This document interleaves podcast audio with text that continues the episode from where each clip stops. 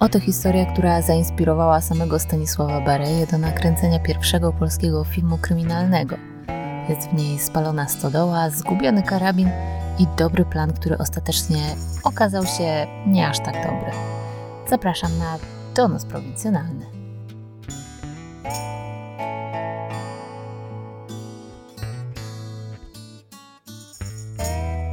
O tej zbrodni sprzed 65 lat napisała mi jedna ze słuchaczek, Ania, za co bardzo dziękuję. Jeśli wy też macie jakieś sprawy, o których chcielibyście usłyszeć w zbrodniach prowincjonalnych, to przypominam, że możecie je wysyłać na skrzynkę donosprowincjonalny.gmail.com, a ja pewnego dnia wejdę na tę skrzynkę w poszukiwaniu tematu do kolejnego donosu i może wybiorę właśnie waszą sprawę.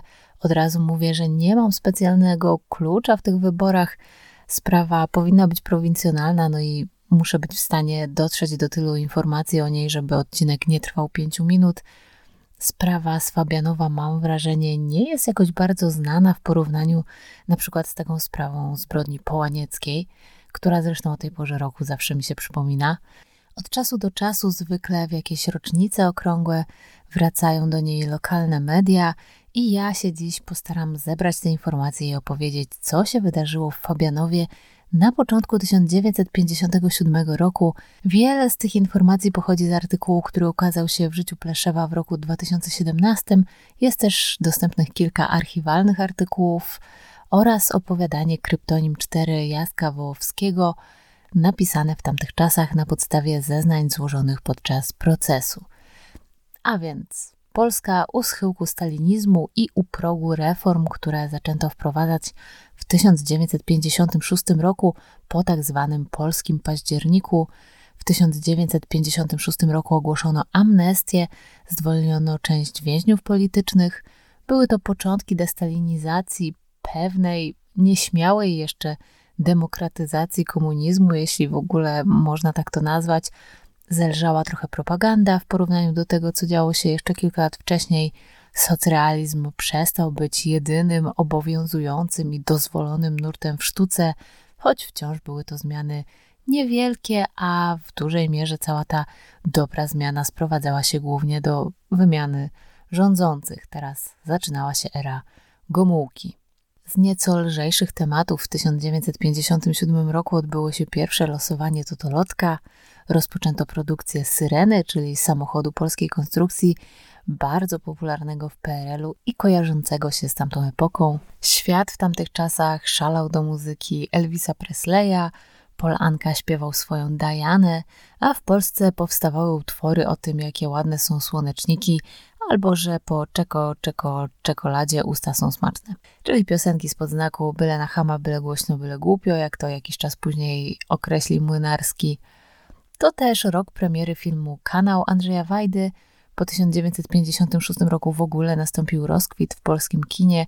Filmy, które kręcono, nie musiały już koniecznie zawierać tak wyraźnych treści propagandowych jak wcześniej. I jest to o tyle istotne w tym przypadku, że na kanwie tej historii powstał właśnie kilka lat później film. Miał premierę w roku 1962 i był to jeden z pierwszych filmów w karierze niejakiego Stanisława Barei.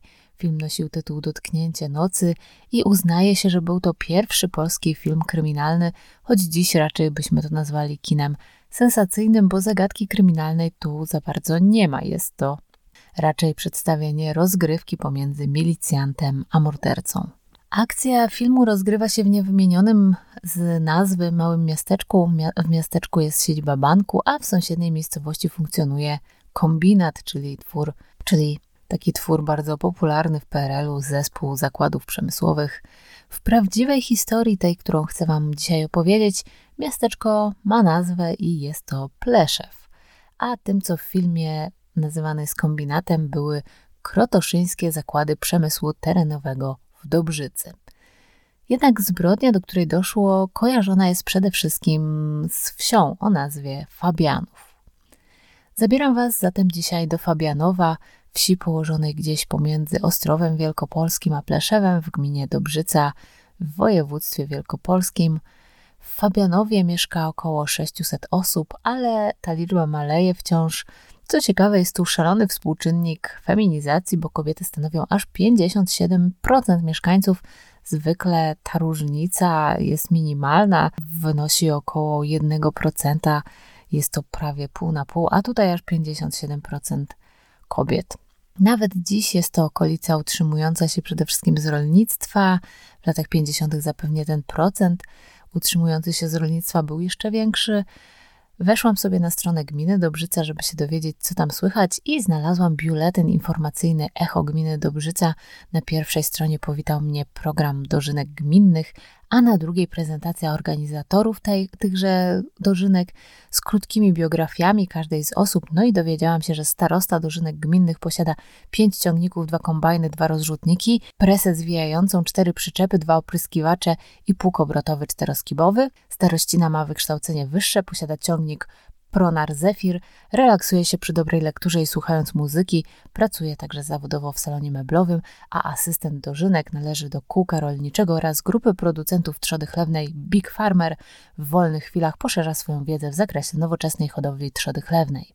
Skoro mamy już te wszystkie niezbędne nam do życia informacje, to przejdźmy do samego Fabianowa.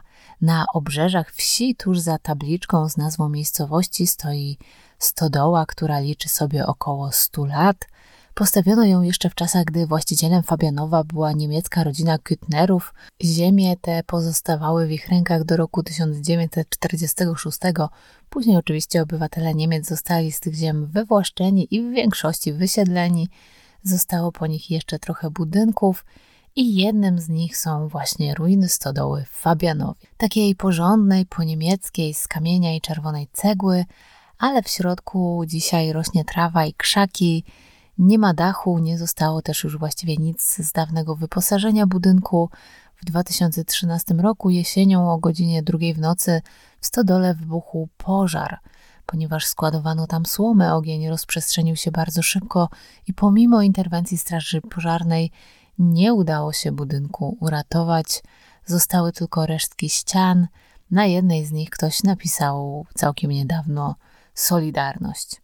W czasach, gdy wybuchł pożar, budynek należał do Agencji Nieruchomości Rolnej, która przekazała go na potrzeby rolniczego kombinatu spółdzielczego w Nowym Świecie. Podejrzewano, że pożar był dziełem podpalacza, bo nie był to jedyny pożar, do którego doszło tamtej nocy.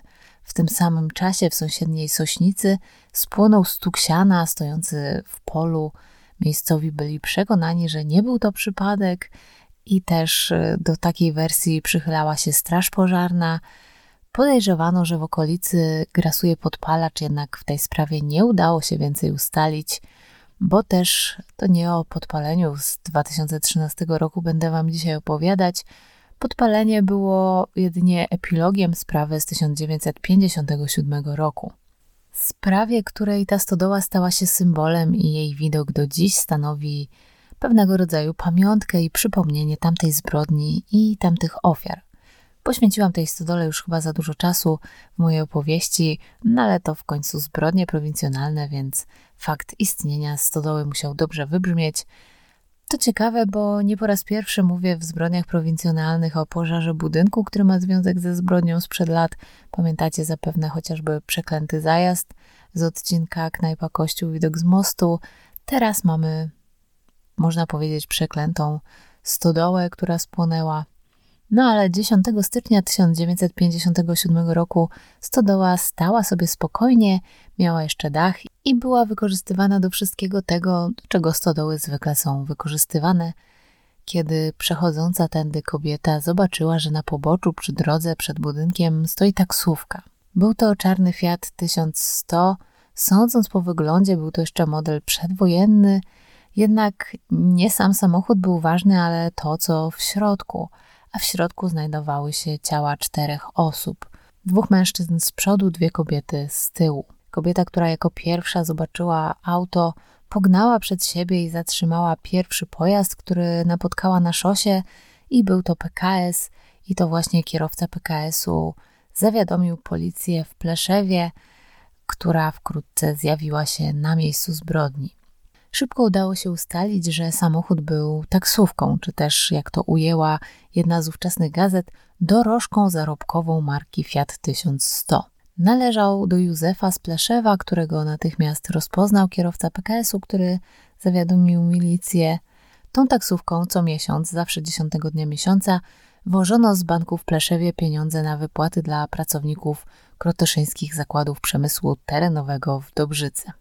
Siedzące na siedzeniach z tyłu dwie kobiety były właśnie pracownicami kadr tego zakładu, odpowiedzialnymi za wypłaty, Genovefa i Helena. Genovefa spodziewała się dziecka, kiedy zginęła, była w ciąży. Mężczyzną na przednim siedzeniu pa dla pasażera był Władysław, konwojent, również zatrudniony w zakładach w Dobrzycy. Co takiego konwojował? Zapewne to, czego brakowało w samochodzie, czyli pieniądze przeznaczone na wypłaty dla pracowników. A było to ponad 300 tysięcy złotych, dokładnie 335 tysięcy. Żeby dać Wam lepsze pojęcie o tym, jaka to była na owe czasy suma, to średnia pensja w 1957 roku w Polsce wynosiła trochę ponad 15 tysięcy rocznie, niecałe 1300 miesięcznie, czyli to było ponad 20 średnich rocznych pensji, jeśli dobrze liczę, czyli naprawdę kupa kasy. Takie pieniądze stanowiły idealny motyw do popełnienia zbrodni. Milicja obywatelska rozpoczęła więc śledztwo, no i szybko stało się jasne, że ofiary zginęły od strzałów z pistoletu TT, a więc broni, którą posługiwała się w tamtych czasach milicja. Świadczyły o tym też ślady we wnętrzu samochodu, kule znalezione w ciałach ofiar i łuski rozrzucone w samym aucie i dookoła niego. Pochodziły one z jednej broni, a zatem strzelała zapewne tylko jedna osoba. Czy w napadzie uczestniczyło ich więcej? Tego jeszcze nie było wiadomo. Wiadomo było, że zabójca musiał strzelać przez okno do każdej z osób siedzących w aucie i do każdego oddał po kilka strzałów. Prawdopodobnie upewniał się przy tym, czy nie pozostawi przy życiu żadnego świadka zbrodni, kiedy widział, że ktoś jeszcze żyje, no to oddawał do niego kolejny strzał. Także wyglądało na to, że działał naprawdę z zimną krwią. Odgłosy tych wystrzałów było słychać we wsi, ale dopiero później mieszkańcy Fabianowa dowiedzieli się, że były to odgłosy morderstwa. Wcześniej Zapewne sądzili, że to ktoś poluje na bażanty albo odstrasza dzikie zwierzęta. Takie wystrzały nie są na wsi czymś niespotykanym. Stodoła jest jednak zbyt oddalona od reszty zabudowań, żeby usłyszeć krzyki uwięzionych w samochodzie ludzi. Wszyscy zginęli na miejscu od ran postrzałowych i od utraty krwi spowodowanej tymi ranami. Jedną z pierwszych rzeczy, na które zwrócili uwagę milicjanci, był brak śladów gwałtownego hamowania. Fiat został zatrzymany na poboczu, stał równolegle do szosy. Nie wyglądało to tak, jak gdyby ktoś wyskoczył na drogę nagle i zmusił kierowcę do zatrzymania się w takiej sytuacji. Zapewne kierowca odruchowo skręciłby kierownicą, żeby ominąć człowieka, a na drodze zostałyby ślady opon po ostrym hamowaniu. Niczego takiego jednak nie było, a zatem kierowca prawdopodobnie przystanął dobrowolnie. Biorąc pod uwagę ładunek, jaki wieźli, zatrzymywanie się w szczerym polu na widok jakiegoś obcego człowieka, który macha, nie wydaje się dobrym pomysłem. Jedynym powodem, dla którego kierowca lub pasażerowie byliby gotowi zrobić coś takiego, no mogło być to, że znali człowieka, który czekał na nich obok stodoły w Fabianowie, albo, co również należało wziąć pod uwagę, że ktoś z pasażerów był z tym człowiekiem w zmowie. Tyle tylko, że nie wiedział, że wspólnik i jego postanowi się pozbyć, żeby nie pozostawiać świadków, a przy okazji zachować cały łup dla siebie. Zaczęto więc przyglądać się ofiarom i ich kontaktom. W międzyczasie kilku spośród mieszkańców Fabianowa, z którymi rozmawiali milicjanci, przypomniało sobie, że tamtego ranka widzieli mężczyznę na rowerze. Jeden ze świadków nawet z nim rozmawiał, chociaż nie wiem, czy należałoby to nazwać rozmową, bo ten świadek zatrzymał się i zapytał mężczyznę, czy ma może pompkę do roweru. Było to przy stodole w Fabianowie, która może kilkanaście minut później stała się miejscem zbrodni, na co mężczyzna stojący tam kazał mu w niewybrednych słowach oddalić się w pośpiechu. Kilku uczniów pobliskiej szkoły też widziało mężczyznę jadącego z dużą prędkością na rowerze. Miał ze sobą kilka toreb. Tamtym momencie nikt oczywiście nie wiedział jeszcze o napadzie na taksówkę i nikomu też nie przyszło do głowy, że pędzący na rowerze mężczyzna może być złodziejem i mordercą, choć prawdopodobnie gdyby jechał normalnym tempem, a nie pędził na złamanie karku, nikt by go w ogóle nie zauważył, no bo ci, którzy zwrócili na niego uwagę, zrobili to tylko dlatego, że jechał bardzo szybko. Wkrótce ważnymi wydarzeniami w Pleszewie i Dobrzycy stały się pogrzeby zamordowanych. Milicja prosiła świadków, żeby udawali się na te pogrzeby, bo a nuż w jednym z żałobników rozpoznają mężczyznę z rowerem. Do dziś w okolicy chodzi plotka, że na jednym z tych pogrzebów trumnę niósł sam zabójca. Znalezienie sprawcy zajęło milicji pięć miesięcy i ówczesne gazety prześcigały się wprost w ochach i achach nad działaniami MO. Opisywano je jako energiczne, ofiarne, podkreślano ile trudu kosztowały. No ale trzeba powiedzieć, że główny podejrzany właściwie podał się milicji na tacy. Był to niejaki Stanisław Grześ z Popówka. Mężczyzna kilka miesięcy wcześniej ożenił się, ślub odbył się 2 lutego w parafii w Pleszewie. Przyszły pan młody dał na zapowiedzi dokładnie dwa dni po napadzie w Fabianowie. Trzeba powiedzieć, że panna młoda była już wówczas w ciąży i to takiej już całkiem zaawansowanej. Dziecko urodziło się zaledwie kilka tygodni po ślubie, a już w kwietniu młoda rodzina wprowadziła się do domu w Majkowie pod Kaliszem.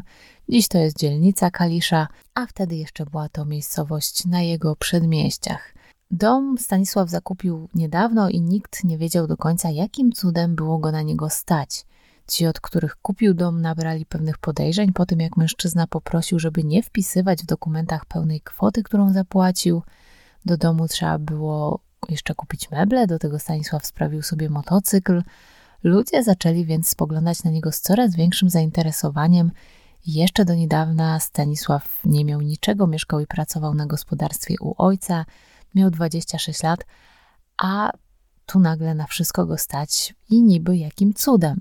Badając ten cud, milicjanci dowiedzieli się, że Stanisław miał w Dobrzycy kolegę, Władysława, u którego nawet czasem pomieszkiwał, a Władysław tak się składało, że był zatrudniony w krotoszyńskich zakładach przemysłu terenowego.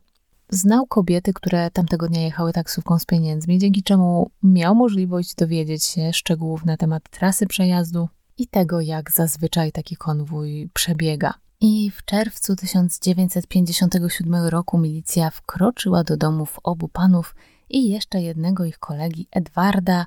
Podczas przeszukań znaleźli łącznie trochę ponad 40 tysięcy złotych, które, jak się później udało potwierdzić, pochodziły właśnie z rabunku.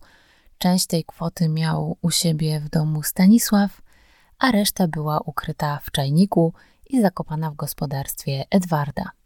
Przyszukano również gospodarstwo rodziców Stanisława w Popówku i znaleziono tam ukrytą pod stertą wiórów broń, a dokładnie pistolet TT, ten sam, z którego strzelano w Fabianowie. To właśnie w Popówku narodził się bowiem plan tej całej zbrodni i jeśli istnieje wieś zasługująca na miano dziury zabitej dechami, to jest nią niewątpliwie właśnie Popówek – Obecnie żyje tu 78 mieszkańców, kilka gospodarstw, pola kukurydzy i powyginana tabliczka z nazwą miejscowości. Wieś jest oddalona od głównych dróg, prawdziwy koniec świata. Jak się żyło w Popówku w latach 50., kiedy, jak przypuszczam, nie było tam jeszcze elektryczności, nie mówiąc o kanalizacji, a już w ogóle nie mówiąc o jakichkolwiek rozrywkach, no to trudno sobie to wyobrazić co mogli robić dwudziestokilkulatkowie, którym przyszło żyć w latach pięćdziesiątych i mieszkać w Popówku, szczególnie tak, tacy, którzy nie mieli własnej ziemi, pieniędzy, wykształcenia, ani też wielkich chęci, żeby stać się przydatnymi społecznie budowniczymi nowej socjalistycznej Polskiej Rzeczpospolitej Ludowej. No, mogli pomagać rodzicom w gospodarstwie i mieć z tego tyle, żeby nie umrzeć z głodu. To były jeszcze wciąż czasy obowiązkowych dostaw produktów rolnych, Rolnicy mieli obowiązek sprzedawać państwu po zaniżonych cenach określoną ilość tego, co wyprodukowali. Niedostarczenie odpowiedniej ilości było traktowane jak przestępstwo, także perspektywy dla ludzi takich jak Stanisław z Popówka były raczej marne. pomimo że akurat jego rodzina należała do zamożniejszych mieszkańców wsi i miała duże gospodarstwo. Ale gospodarstwo należało do rodziców Stanisława, a nie do niego samego. Musiał więc podporządkować się rodzicom i żyć według ich reguł. No a tu jeszcze dziewczyna Stanisława zaszła w ciążę, no a on niespecjalnie miał możliwość, żeby zatroszczyć się o swoją nową rodzinę. Co mógł zrobić? No, mógł wejść na drogę przestępczą i taką właśnie drogę obrał. Stanisław w 1954 roku wyszedł z wojska, które, jak się można domyślić, szczególnie w tamtych czasach, nie stanowiło zbyt przyjemnego doświadczenia. W wojsku poznał Władysława z Dobrzycy. Jeszcze będąc y, w wojsku, nieraz rozmawiali o tym, że można by zorganizować jakiś napad. Kombinowali skąd mogliby wziąć broń i jak rozwiązać inne szczegóły. Po wyjściu do cywila Władysław pracował w Dobrzycy w krotoszyńskich zakładach przemysłu terenowego i czasem widywał się wieczorem ze Stanisławem. Ten poznał go przy okazji ze swoim kumplem z Popówka, Edwardem, z którym znali się prawie przez całe życie, no bo jak ktoś się wychowuje w Popówku, to trudno nie znać wszystkich swoich sąsiadów. A więc kiedy przyszła jesień, nie było już tyle pracy w gospodarstwie, Stanisław, Edward i Władysław zaczęli się częściej spotykać. I przy butelce jakiegoś podłego alkoholu, od którego można oślepnąć, narzekali sobie na swoje życie i na to, że nie mają kasy ani gdzie się podziać, że chcieliby czegoś więcej, no ale się nie da. I nie wiadomo, kto pierwszy rzucił myśl, że w takim świecie to tylko złodzieje mają pieniądze, bo uczciwie to do niczego się nie da dojść. Na początku rozmawiali o tym bardziej teoretycznie, zastanawiali się, kto ma tyle pieniędzy, żeby można go było okraść i zacząć nowe życie. Na pewno nikt w popówku i w ogóle nikt, kogo znali. Najwięcej pieniędzy było w bankach albo w kasach państwowych zakładów przed wypłatą. No ale te miejsca były za dobrze chronione i łatwo można było zostać złapanym. Co innego w drodze. Pieniądze na wypłaty musiały przecież być przewożone z banku do zakładów, a droga prowadziła przez wioski, często przez wiele kilometrów szosa biegła jedynie przez pola i łąki, na których zimą nie było żywego ducha. Trzej mężczyźni zaczęli sobie myśleć, że to by się nawet mogło udać. Pierwszą próbę przestępczą Stanisław i Władysław podjęli w październiku 1956 roku, kiedy to napadli na GS w Jedlcu. Ze sklepu gminnej spółdzielni Samopomoc Chłopska zrabowali gotówkę oraz towary warte ponad 10 tysięcy złotych. Ale to im nie wystarczyło. Władysław zasugerował zakład w Dobrzycy, w którym pracował, dzięki czemu znał terminy wypłat i wiedział mniej więcej w jaki sposób odbywał się transport pieniędzy. No i tak od słowa do słowa doszli do wniosku, że zorganizują skok. Pieniądze na wypłaty przewożono do Dobrzycy 10 każdego miesiąca, Różne źródła podają różne wersje, jeśli chodzi o wcześniejsze próby dokonania skoku. W niektórych możemy przeczytać, że po raz pierwszy podjęli tę próbę już 10 października. Stanisław miał zaczaić się w Fabianowie z karabinem, podczas gdy Edward obserwował lokalny posterunek milicji i w razie czego miał odwrócić uwagę funkcjonariuszy. Nie wiem, w jaki sposób miałby to zrobić i po czym miałby poznać, że Stanisław potrzebuje pomocy, biorąc pod uwagę, że Stanisław był kilkanaście czy kilkadziesiąt kilometrów dalej i nie mieli ze sobą żadnego kontaktu. Nie to, że mogli wysłać sobie SMS-a, jak coś będzie nie tak. No ale taki był plan. Chciałabym zobaczyć to, jak Edward obserwuje milicjantów i podejmuje akcję ratunkową. Czuję, że mogłaby to być scena jak z filmu o żandarmie z Louis de Finesem ale nic takiego się nie stało, do napadu nie doszło, bo Stanisław zgubił karabin. Nie jestem przekonana, czy zgubił go w trakcie, czy po. Zapewne podobnie jak podczas właściwego napadu musiał być na niezłej bani, skoro zgubił broń. Nie jestem pewna, czy najpierw stchórzył, a potem zgubił karabin, czy na odwrót, ale i tak uważam, że to całkiem niezły przypadek prawie jak ten płatny zabójca, który ścigając swoją ofiarę w lesie nadział się na swój własny nóż, o którym wam opowiadałam kilka odcinków temu. Nie wiem niestety, czy to się naprawdę wydarzyło, bo inne wersje mówią o tym, że pierwsza próba miała miejsce 10 grudnia a wcześniej mężczyźni postanowili zdobyć broń, napadając na milicjanta. Wszyscy trzej wychowali się w czasie wojny, więc zapewne niejedną historię partyzancką słyszeli. Członkowie podziemia zawsze zdobywali broń, napadając na policjantów i niemieckich żołnierzy, także nic dziwnego, że była to dla nich najprostsza droga do celu. 4 grudnia mężczyźni zasadzili się na milicjanta z Gołuchowa. Stanisław uderzył go w głowę drewnianą pałką. Milicjant stracił przytomność, porzucony na polu przeżył cudem. Gdyby było zimniej tego dnia, zapewne panowie mieliby na sumieniu jeszcze jedno życie, no ale milicjanta znaleziono jeszcze żywego, zabrano do szpitala i tam udało się go uratować. Napastnicy zabrali mu jednak służbowy pistolet TT i zapas amunicji, a dokładnie 16 sztuk. A zatem bandyci mieli już broń i byli gotowi na 10 grudnia, czyli na dzień wypłat, ale tym razem Stanisław też stchórzył, okazja uciekła i trzeba było czekać na kolejne wypłaty za miesiąc. 10 stycznia 1957 roku Stanisław wyruszył już na rowerze z Popówka do Fabianowa. Była zima, jak to w styczniu, także czas na rowerowe wycieczki taki sobie, no ale Stanisław wielkiego wyboru nie miał. Ten dzień akurat był raczej mokry i pochmurny, bardziej przypominał jesień. Na drogach nie było śniegu ani lodu, także dało się na tym rowerze jeszcze jakoś jechać. No, chociaż przejechanie około 25 km w jedną stronę nie było zapewne najprzyjemniejsze. Stanisław musiał wyruszyć o świcie, żeby zdążyć przed dziesiątą do Fabianowa i być już tam na miejscu w momencie, kiedy taksówka z pieniędzmi będzie przejeżdżała obok stodoły. W tej części wsi już są tylko nieliczne zabudowania, a i te są oddalone od siebie o kilkaset metrów, a nawet kilka kilometrów i oddzielone polami, dlatego wybrali właśnie to miejsce.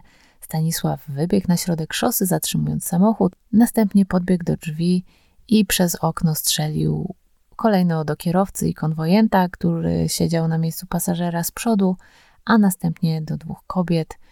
Potem zabrał worki z pieniędzmi i uciekł z nimi na rowerze. Jak to czytam, to mam oczywiście przed oczami takie worki ze znaczkami dolara, jak w kreskówkach, choć prawdopodobnie nie były to worki, tylko bardziej teczki, bo później jeden z dziennikarzy pisał, że wśród licznych dowodów rzeczowych, jakie pokazano dziennikarzom podczas konferencji prasowej, znalazły się teczki, w których przewożono pieniądze i w których później te pieniądze były zakopane w lesie.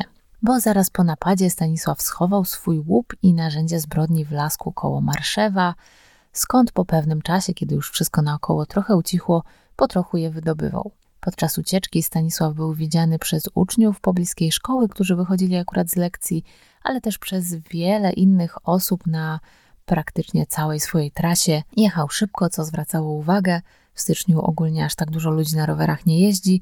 No i te worki ze znaczkami dolara, nie no, żartuję, nie było żadnych znaczków dolara, chyba.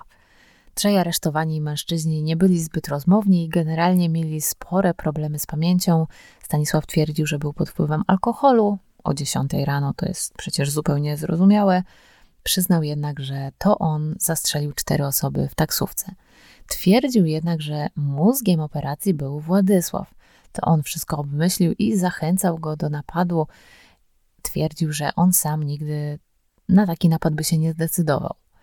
Postać Władysława jest w tym wszystkim dość interesująca, bo on faktycznie w żaden sposób w tej zbrodni nie uczestniczył i, i trudno stwierdzić, dlaczego w ogóle zachęcał do niej Stanisława, skoro, skoro sam na tym w żaden sposób nie skorzystał. Może po wszystkim się wystraszył, a wcześniej liczył, że znalazł naiwniaka, który odwali całą czarną robotę i podzieli się z nim pieniędzmi. No i w sumie prawie mu się to udało, bo miał dostać swoją część pieniędzy w zamian za pomoc w przygotowaniu planu i zdobycie informacji no ale ostatecznie tych pieniędzy nie zdążył dostać. Trudno stwierdzić dlaczego, czy dlatego, że sam nie chciał, czy dlatego, że wolał zaczekać, żeby nie wzbudzić niczyich podejrzeń. Podczas rozmów z milicją Władysław twierdził, że nie miał ze zbrodnią nic wspólnego, że nie było go nawet w pobliżu, a rozmowy przywódcy to przecież nie przestępstwo. Również Edward wyparł się jakiegokolwiek udziału w przestępstwie, całą winą obarczył Stanisława, twierdził, że zgodził się jedynie na przechowanie u siebie pieniędzy już po wszystkim. W rzeczywistości Edward dostał 90 tysięcy złotych ze zrabowanych pieniędzy i kupił za nie materiały budowlane. Jego udział w całej zbrodni polegał na tym, że miał obserwować posterunek milicji, czyli de facto robił coś całkowicie zbędnego i niczym się w ten sposób nie narażał i dostał za to równowartość kilku rocznych pensji, więc całkiem niezły deal na tym zrobił. Mam wrażenie, że Stanisław dał się podpuścić swoim dwóm kolegom, którzy byli od niego jednocześnie sprytniejsi, bardziej tchórzliwi i uznali, że trafili na frajera, który sam dokona napadu, a potem odda im część pieniędzy za nic. A oni niczego nie ryzykują, bo przecież nie było ich na miejscu zbrodni. No ale Przeliczyli się. Proces rozpoczął się zaledwie kilka tygodni po tym, jak mężczyźni zostali aresztowani. Wszystko wydarzyło się szybko. Już w sierpniu 1957 roku mężczyźni zasiadali na ławie oskarżonych, a prokurator żądał dla nich trzech wyroków śmierci. Byli sądzeni nie tylko za zbrodnie w Fabianowie, ale też za napaść na milicjanta, a Stanisław i Władysław jeszcze dodatkowo za obrabowanie GS-u. Sprawa wzbudzała duże emocje wśród lokalnej społeczności. Sala sądowa była wypełniona do ostatniego miejsca. Jeszcze przed gmachem sądu gromadziły się tłumy, które czekały tam godzinami na ogłoszenie wyroku. Wszyscy byli przerażeni tą zbrodnią, tym, że w jednej chwili życie straciły cztery osoby, a morderca zdawał się zupełnie niewzruszony tym, co zrobił i bez żenady wydawał zrabowane pieniądze. W tamtych czasach wyroki wydawano szybciej niż dzisiaj, pomimo że były to nieraz wyroki, których już nie dało się zmienić, bo oczywiście mówimy o czasach, kiedy w Polsce istniała kara śmierci i faktycznie była wykonywana. A mimo wszystko procesy nie trwały długo i na wyroki nie trzeba było długo czekać, szczególnie jeśli władzom zależało na tym, żeby pokazać swoją skuteczność i pochwalić się szybkim rozwiązaniem głośnej sprawy. Wyrok zapadł więc już 28 sierpnia 1957 roku. Edwarda skazano za udział w przestępstwie i za napad na milicjanta, za co dostał dożywocie. Później zmieniono mu je na 25 lat więzienia. Po odsiedzeniu tego wyroku Edward zamieszkał na Śląsku, ale podobno jeszcze do niedawna zdarzało mu się odwiedzać rodzinę w Popówku. Władysława skazano na 15 lat za podżeganie do zbrodni, a dodatkowo na 3 lata za napad na sklep. Po odsiedzeniu tego wyroku nigdy już nie pojawił się w okolicy, nie wiadomo co się z nim działo. Wobec wszystkich oskarżonych sąd zastosował też utratę praw publicznych i obywatelskich praw honorowych na zawsze.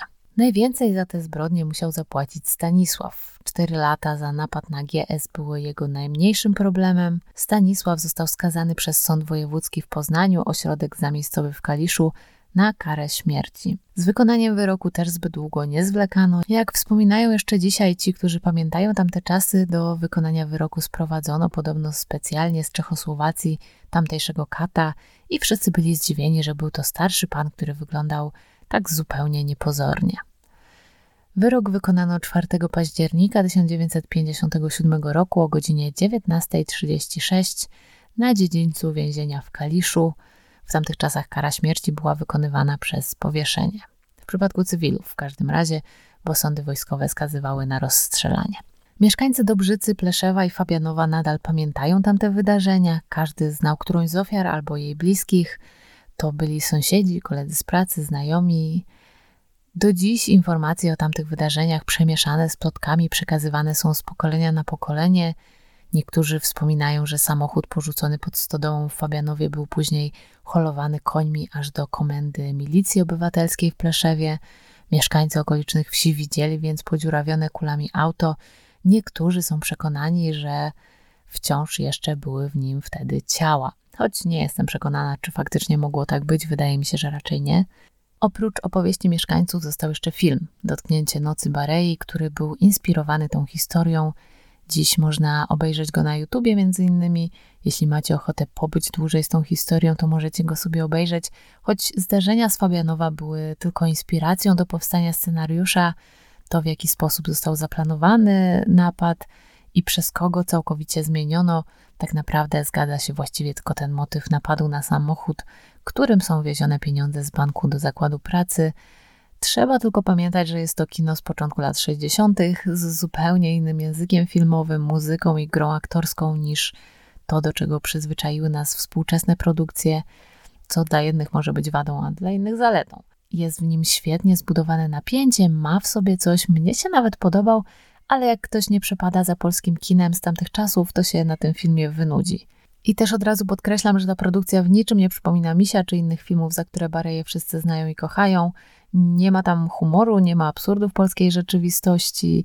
Nie zostały nawet w jakiś sposób podkreślone te absurdy, które już w tej historii były i które były dziś, byśmy powiedzieli, jak z Barei, ale Bareja w dotknięciu nocy to jeszcze nie jest ten Bareja, którego dziś większość z nas najlepiej kojarzy. Wiem, że Marcin Myszka zrobił na YouTubie materiał o tej historii.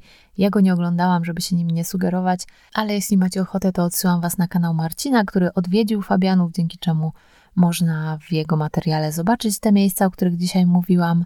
Historia w sumie dosyć prosta i taka, jakich wiele. Historia ludzkiej chciwości, bezwzględności. Właściwie trudno znaleźć cokolwiek na usprawiedliwienie tych bohaterów. Ciekawa jest tutaj postawa tych kolegów e, Stanisława, którzy wspólnie z nim planowali napad, ale nie brali w nim udziału. I też znamienne jest to, że jeden z nich dostał dożywocie za to, ostatecznie zmieniony na 25 lat, ale jednak na początku było to dożywocie. Także pomimo, że właściwie nie brał w tym żadnego udziału i nawet go nie było na miejscu zbrodni, choć no niewątpliwie moralnie był za te zbrodnie też odpowiedzialny, podobnie jak, jak drugi z mężczyzn, czyli Władysław. Chyba najbardziej uderza w tej sprawie taki kompletny brak współczucia, brak jakiejś refleksji, po prostu ktoś stwierdził, że potrzebuje pieniędzy i był gotów pozbawić życia cztery osoby, żeby te pieniądze zdobyć.